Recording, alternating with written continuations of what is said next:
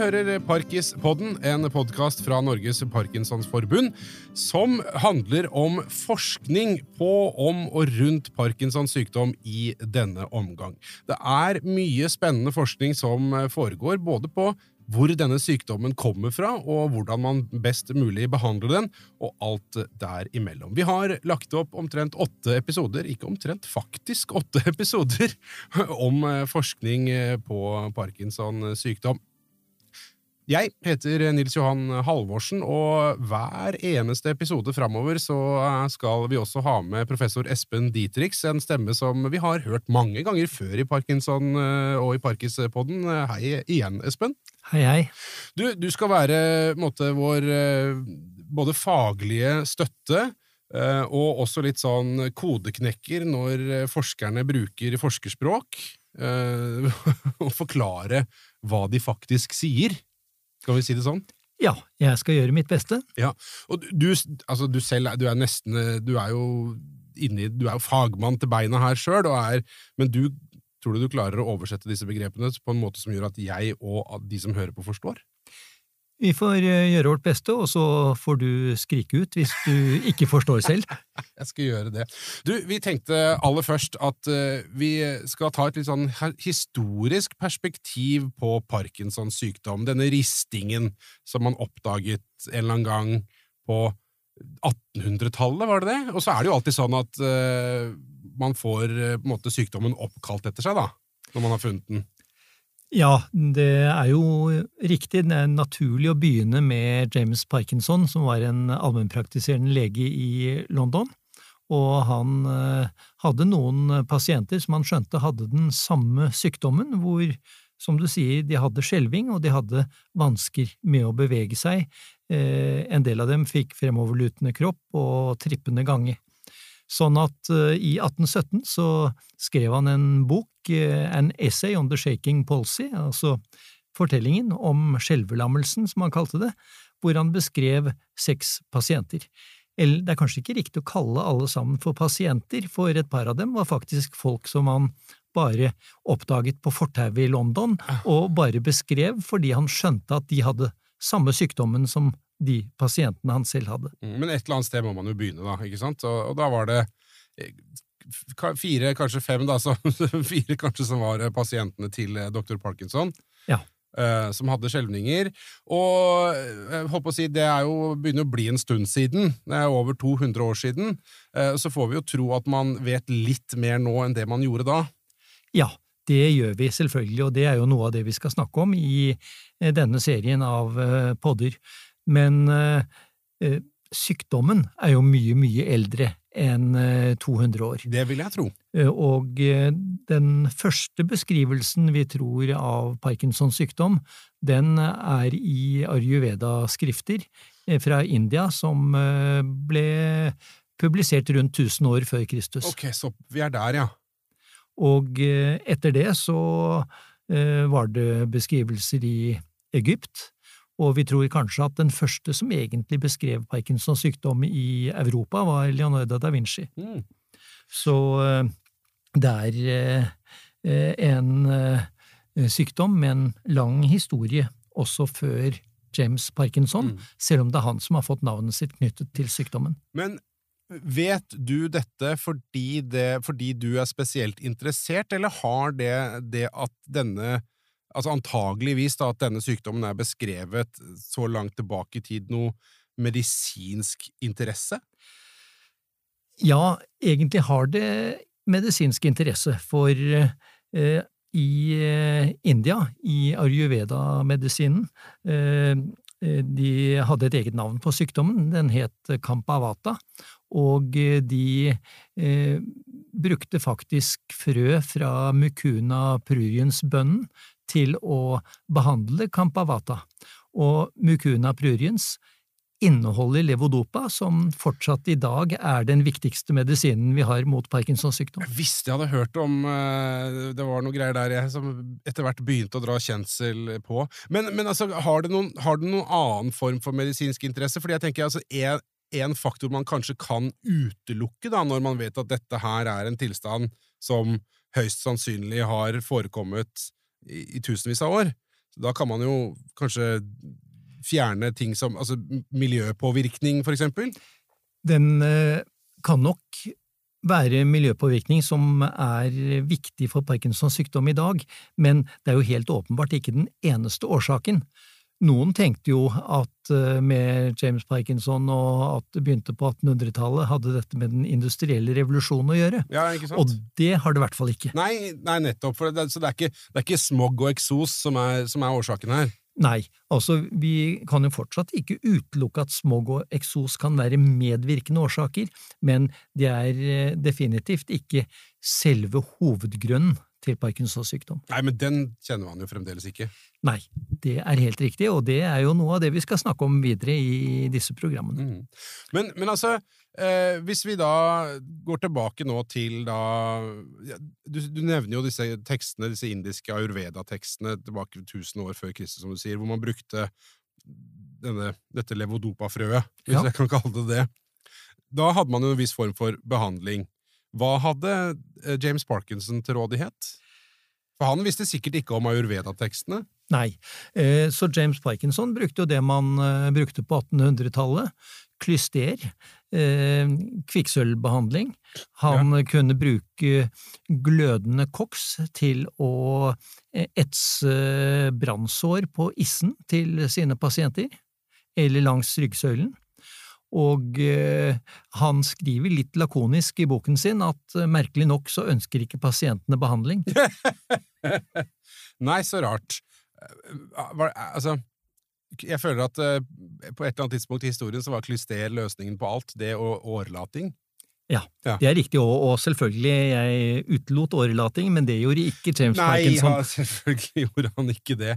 Men, men altså, er det noe av dette her som i det hele tatt hadde noe for seg? Nei. Nei. Men man har jo, man jo snakka om Jeg har jo fått med meg såpass at det har vært snakk om, og det nevnes i kretser, at dette her med tarmsystemet kan ha en eller annen form for påvirkning? Ja, men, og det kommer vi nok også tilbake til, men det er egentlig en helt annen historie, og jeg tror allikevel ikke at klyster er løsningen for å eh, gi en eh, behandlingseffekt på Parkinsons sykdom. Det, men riktignok så eh, må vi jo uh, innrømme at uh, en del Parkinson-pasienter som ledd i sin sykdom får treg avføring og oppstipasjon, sånn at klyster kan jo faktisk være symptomlindrende hos Parkinson-pasienter allerede, eller altså også i dag. Mm. Altså han var ikke helt på jordet? Så der var det ikke helt på jordet. Nei. Men altså i dag, nå 200 år etter eh, James Parkinson og hans glødende koks og klyster og årelating, og 3000 år etter ayurveda-tekstene, så vet man fremdeles ikke, eh, og noen av verdens beste hjerner eh, vet fremdeles ikke årsaken til denne sykdommen. Som professor, som fagmann, hvor frustrerende er det? Selvfølgelig er det frustrerende at det er så mye vi ikke vet om årsaker. Eh, så, men allikevel så har vi jo kommet veldig langt i forhold til eh, historien, og ikke så fjern historie. Hvis vi går litt videre fra James Parkinson, eh, går mot slutten av 1800-tallet, den første professor i nevrologi i verden var Jean Martin Charcot i Paris. Og det var faktisk han som nesten eh, gjenoppdaget sykdommen, og det var han som begynte å kalle den Parkinsons sykdom. Han var verdens fremste nevrolog, altså plassert i Paris, og eh, han brukte andre metoder for eh, sine Parkinson-pasienter. Blant annet så var han så populær at folk fra hele Frankrike kom reisende til Paris for å komme på konsultasjon hos Charcot. Og akkurat på denne tiden på slutten av 1800-tallet så var jernbanesystemet i Frankrike bygget veldig ut. De hadde svære damplokomotiver med hjuldiameter på to meter som kunne gå veldig fort, selv om det fortsatt var lette jernskinner og ganske lette tresviller, så det ristet noe aldeles fryktelig på disse togene som pasientene brukte til Paris. Men Pasientene kom da til Charcot og fortalte at etter tre timer togreise på et sånt humpete tog, så skalv de mye mindre enn det de hadde gjort på forhånd. Okay. Sånn at uh, Charcot syntes jo kanskje at det å sende pasientene med toget var en litt upraktisk behandlingsform. Så han tenkte hvorfor ikke riste de på kontoret istedenfor? Så han fant opp en svær lenestol med innebygget motor, hvor han da kunne binde fast pasientene og riste de på kontoret. Nettopp. Og eh, en av eh, Charcots elever, eh, Georges Gilles Tourette, som jo er kjent for Tourettes syndrom, han var en genial fyr og skjønte at hvorfor skal man riste hele pasienten når vi tror dette er en hjernesykdom? Så han fant altså opp en hjelm med ristemotor som man bare ristet hodet og hjernen på pasientene. Igjen altså en fryktelig ubehagelig behandlingsform. Ja, men seg? eh, vel, noen av disse pasientene syns at de skalv litt mindre etterpå, men eh, den gikk nok fort i glemmeboken allikevel. Det bare, det, det er der det høres ut som litt sånn gjør det verre et annet sted, så det du egentlig hadde vondt, eh, blir mindre vondt. Og en annen behandlingsmetode som de også forsøkte samtidig, det var å henge pasientene. De hadde egne galger, hvor de først hadde lærremmer under armhulen og under haken og nakken på pasientene og hang de opp. Og i noen tilfeller så var de dristige og fjernet da remmene under armhulen, sånn at pasientene bare hang etter hodet. Det var noen bivirkninger på denne behandlingen, det var noen av pasientene som døde av hengning. Ja, Det- ja, mm. Det var noen som brakk eh, underkjeven, eh, det var eh, noen som fikk svære nakkeplager etterpå, og folk mistet tenner og spyttet blod etter denne behandlingen, men det var allikevel en behandling som ble enormt populært i sosieteten, og eh, faktisk så var det i eh, kanskje en 20–30 år, akkurat rundt århundreskiftet, hvor eh, alle i sosieteten, enten de feilte parkinson eller ikke, skulle henges, og det var store gymsaler rundt omkring i verden hvor man hang pasienter. Ja, altså Jeg blir jo litt sånn, eh, holdt å si, perpleks her nå. Hva, hva, får man ut av det om noe? Er det Nei, faktisk, denne metoden ble funnet opp egentlig av en eh, russisk nevrolog som eh, behandlet eh, pasienter med tredje stadium av syfilis. I tredje stadium av syfilis så er det en del av pasientene som får bindevevsdrag og forandringer i ryggmargen. Og tanken med denne behandlingen var egentlig å strekke ryggmargen og løsne ryggmargen hos syfilispasienter. Men så var det da noen Parkinson-pasienter som hevdet at de ble bedre av eh, dette her. Hvorfor Parkinson-pasientene i første omgang forvillet seg opp i disse galgene, det vet jeg ikke, men i hvert fall så ble det populært i en periode for Parkinson-pasienter. Mhm. Men eh, det som eh, jo var den beste behandlingen i Charcots tid, og som Charcot egentlig ikke hadde så veldig stor tro på selv, det var eh, planter med såkalt antikolinerg virkning. På den tiden så var det veldig populært blant eh, kvinner å bruke et preparat som eh, kalles belladonna, Ja, eh, planteekstrakt Ja. som man dryppet i øynene, og som da påvirker pupillene sånn at man får store og vakre pupiller. Akkurat.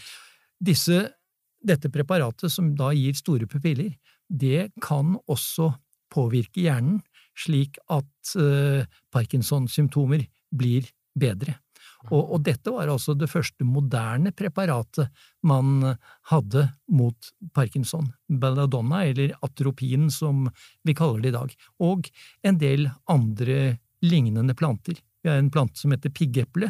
Hvis du ruller sammen og tørker bladene fra piggeple og røyker dem, så kan du få den samme effekten, og det kan også brukes mot Parkinsons sykdom. Unnskyld, at, at, altså belladonna, atropin, er det, snakker vi det samme som er i sånne penner som man skyter Atropin inn i? Ja. er et preparat som brukes i medisinen fortsatt i dag, og vi har lignende preparater som finnes i Parkinson-medisin, som for eksempel heter akineton, og, og det er preparater som har vært i mye bruk, ikke brukes så mye lenger på grunn av bivirkninger, men, men det er effektive preparater. Og, og dette var de første moderne parkinson-medisinene. Eh, når vi nå begynner å krype inn på da, den moderne som du sier, eh, behandlingen her, når er det man begynner å få en viss sånn kontroll Eller kontroll er kanskje feil ord, men en, eh, når har man akkumulert en viss mengde kunnskap om Parkinsons sykdom? Det kan jeg si ganske sikkert, for det var i 1956, det samme året som jeg ble født, faktisk. Det var den svenske professor Arvid Karlsson som da gjorde forsøk eh, eh, på kaniner, hvor han klarte å påvise at eh, celler i hjernestammen hos kaniner laget dopamin. Og så fikk han blokkert disse cellene som laget dopamin, og resultatet av det var at kaninen ikke klarte å bevege seg. Og så prøvde han å gi kaninene et uh, supplement for dopamin, nemlig levodopa, og da reiste kaninene seg opp og gikk igjen. Og Arvid Karlsson påviste på den måten en, en mengde viktige ting. For det første så viste han at nerveceller skiller ut signalstoffer som dopamin, og uh, han viste at dopaminmangel kunne føre til bevegelsesvansker, og at man kunne behandle bevegelsesvanskene med å komme med en erstatning for det dopaminet som da var blokkert. Han hadde veldige problemer med å overbevise andre folk i samtiden om at dette faktisk var sant, eh, sånn at eh, eh, de fleste trodde egentlig ikke på ham. Men på 1960-tallet så var det en patolog i Wien som het eh, Hojnikiewicz, som eh, klarte å påvise at Parkinson-pasienter manglet slike dopaminproduserende celler i hjernestammen, og han tenkte da at eh, denne dopaminmangelen måtte kunne erstattes, og kanskje pasientene behandles. En nevrolog i Wien som het Birkmeier, han prøvde da å behandle noen av disse pasientene med Eh, levodopa, og de rapporterte at de ble bedre. Eh, Birkmeier hevder at det var hans idé, og Hornikiewicz hevder at det var hans idé, og de eh, kranglet ganske høylytt resten av livet. Men faktisk var det sånn at Birkmeier brukte så lave doser at de sannsynligvis ikke hadde noe særlig effekt. Mm. Men noen år senere så var det en gresk-amerikaner som het George Kochias, som begynte å behandle Parkinson-pasienter med store doser levodopa på begynnelsen av 1970-tallet, og det var det store gjennombruddet. Så fra begynnelsen av 1970-tallet så har levodopa vært brukt i behandling av Parkinson-pasienter. Mm. ja, så der, der, der, skjedde det Og siden det så har det jo skjedd mye, selvfølgelig, mye forskning, men det, der, det var kvantesprang nesten der, da, fra slutten av 60-tallet til de ti åra der? De ti årene fra eh, midten av 60-tallet til midten av 70-tallet var eh, faktisk den store behandlingsrevolusjonen når det gjelder Parkinsons sykdom. Ja, ja. Og det som skjer, har, si, skjer etterpå, er bare videreutvikling av, av det samme, nesten? For, vi, vi, snakker jo fremdeles altså, I de årene som, som jeg nå har jobba med dette her, litt sånn sporadisk selvfølgelig, så har man alltid kommet tilbake til å snakke mye om levodopa. Ja, så akkurat når det gjelder behandling med levodopa, så er det de ti årene som uh, har betydd noe, men uh, senere så har det jo skjedd mye på andre fronter. Og, og, litt parallelt så har vi jo også hatt utviklingen av kirurgisk behandling, for eksempel dyp hjernestimulering, som uh, første gang ble utført, og det gjetter du ikke, på Gaustad psykiatriske sykehus på 1950-tallet. Ja, nei, det hadde jeg ikke gjetta. Nei, det hadde jeg ikke. Det var uh, en norsk psykiater og nevrofysiolog, uh, Carl Wilhelm Sem Jacobsen, som eh, var den første i verden som begynte å behandle Parkinson-pasienter med dyp hjernestimulering. Ah. Men verden var kanskje ikke moden for dyp hjernestimulering på Parkinson-pasienter eh, på 1950-tallet. I alle fall eh, Sem Jacobsen han var egentlig en gammel krigshelt. Han hadde vært med på frigjøringen av Nord-Norge i annen verdenskrig. Han hadde attpåtil hatt tilknytning til Kompani Linge, men eh, i dette arbeidet så hadde han også eh, tilknytning til amerikanske SSE, forløperen til CIA, Mm. og eh, eh, eh, fikk eh, æresbevisning fra general Eisenhower eh, etter krigen. I hvert fall så var det slik at da han begynte med disse forsøkene på, eh, på Gaustad, eh, han var egentlig tilknyttet Gaustad for å forbedre teknikken ved lobotomi. Nettopp. Ja, for det er liksom det, jeg forbinder med Gaustad, er jo Ja. Ja, mm. Og, og det var jo selvfølgelig kontroversielt. Ja. Men Sem Jacobsen begynte ganske snart å jobbe med Parkinson-pasienter i stedet. Men fordi han hadde vært involvert i lobotomi, han jobbet på Gaustad, han hadde hatt tilknytning med CIA, eller forløperen til CIA, så begynte ryktene snart å gå at han drev forsøk om å overta kontrollen over menneskehjernen, altså mind control, Mhm. eh, på vegne av eh, CIA. Og ikke nok med det, men eh, laboratoriet og operasjonssalen hans fikk eh, støtte fra alle forsvarsgrener av det amerikanske forsvaret, og det nørte jo selvfølgelig også opp om dette. Ja. Grunnen til eh, den finansieringen var fordi han også laget eh, eh, EEG- og EKG-utstyr som eh, kunne brukes av det amerikanske forsvaret og av astronautene. Neil Armstrong hadde på seg Sem Jacobsens eh, registreringsutstyr da han satte foten på månen første gang. ja. Sier du det, ja? Spennende. Men i alle fall så ble altså Sem Jacobsen hetset så mye for disse forsøkene, og han ble forfulgt og mistenkeliggjort.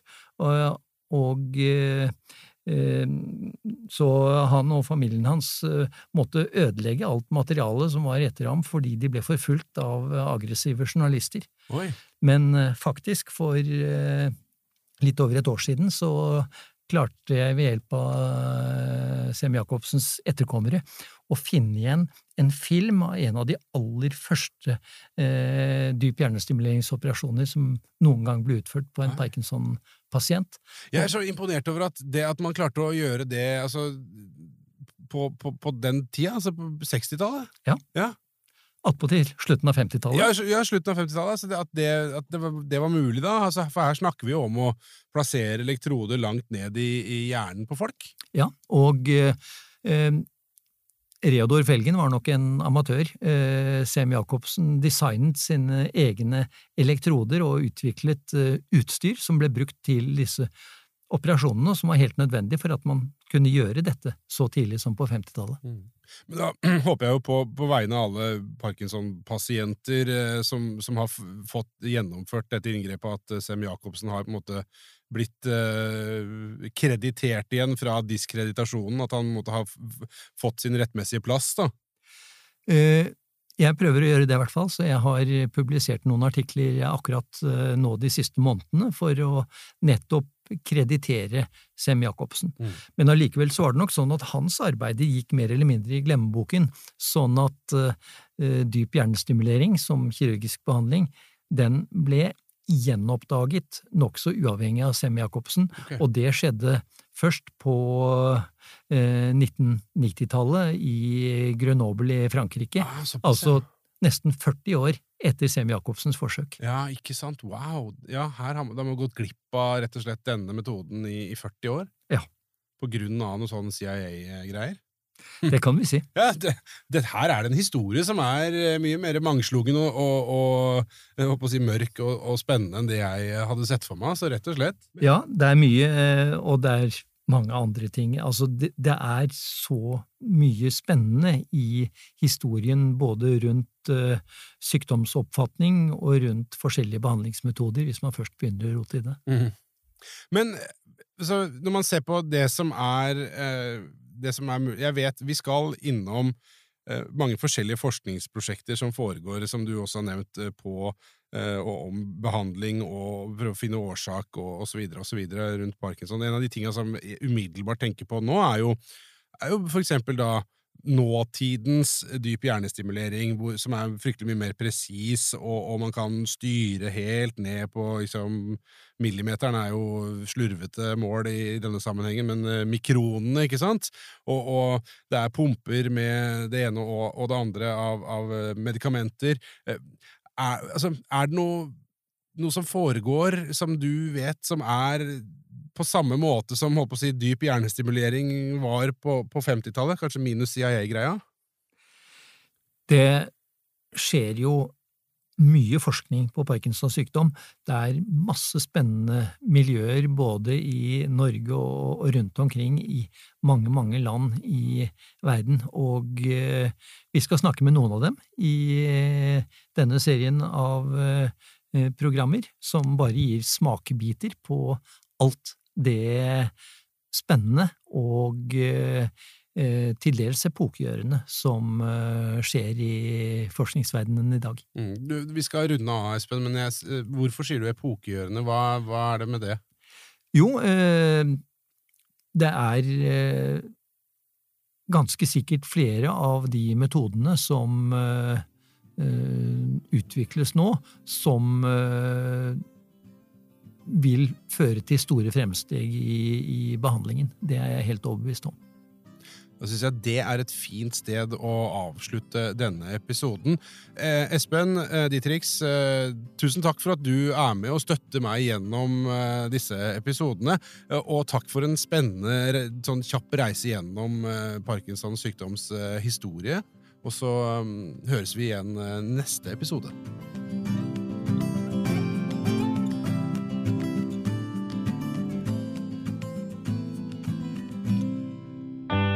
Denne podkasten er produsert av Tid og Lyst. For Norges Parkinsonforbund med støtte fra stiftelsen DAM.